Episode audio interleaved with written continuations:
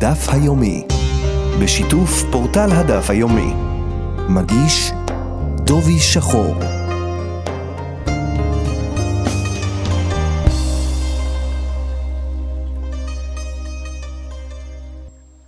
שלום למאזינים, היום במסגרת הדף היומי נלמד מתוך דף ל"ג במסכת קידושין. בסוף הדף שלנו חוזרת הגמרא לדברי המשנה שלמדנו בדף כ"ט.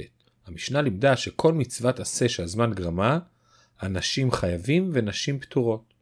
וכל מצוות עשה שלא הזמן גרמה, אחד האנשים ואחד הנשים חייבים. הסוגיה אצלנו מביאה הגמרא ברייתא שמבארת מהם מצוות העשה שהזמן גרמה, ומהם מצוות עשה שלא הזמן גרמה.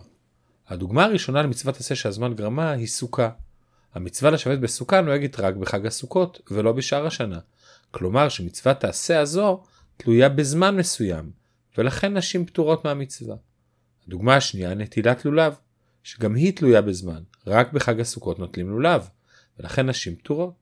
הדוגמה השלישית היא מצוות השופר, שרלוונטית רק בראש השנה.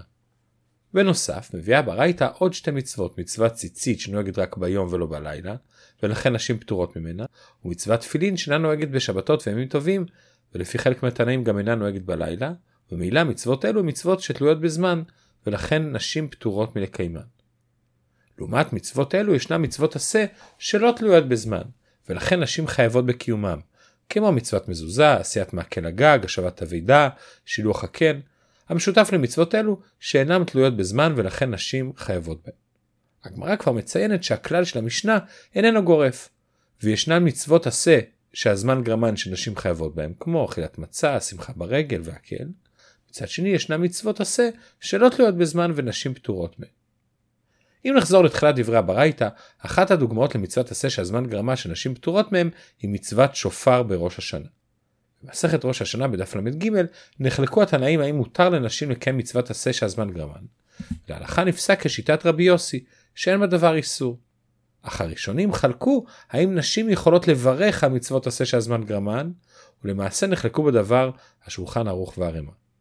גם אם נפסוק כשיטת הרמ"א שנשים מברכות על מצוות עשה שהזמן גרמה, נשאלת השאלה האם גבר שיצא ידי חובה בתקיעת שופר יוכל לתקוע שוב כדי להוציא אישה ידי חובתה. הגאות מימוניות מתלמידי המראה מרוטנבורג פסק שכל ההיתר לנשים לתקוע בראש השנה הוא רק אם אישה תתקע עבור עצמה או עבור חברותיה, ולא לגבר שיתקע לאישה, משום שישנו איסור מדי רבנן לתקוע בשופר אם לא מדובר במצווה. ומכיוון שנפסק מדברי סוגייתנו שנשים פטורות מתקיעת שופר, לדבריו לא יוכל גבר לתקוע לאישה. אך למעשה, נפסק בשולחן ערוך כשיטת הראש, שכתב בשם הרעביה, שגם גבר שכבר יצא ידי חובתו, יוכל לתקוע עבור נשים. לדעתו, אין בדבר כל איסור. אין מדובר בנגינה שנאסרה ביום טוב, אלא מדובר על מצווה של תקיעת שופר, ולמרות שאינו חייב במצווה, מטרת התקיעה למצווה, ולא נכללת בכלל האיסור. וכך נוהגים למעשה שגם גבר שכבר יצא ידי חובה, יוכל לתקוע עבור אישה בראש השנה.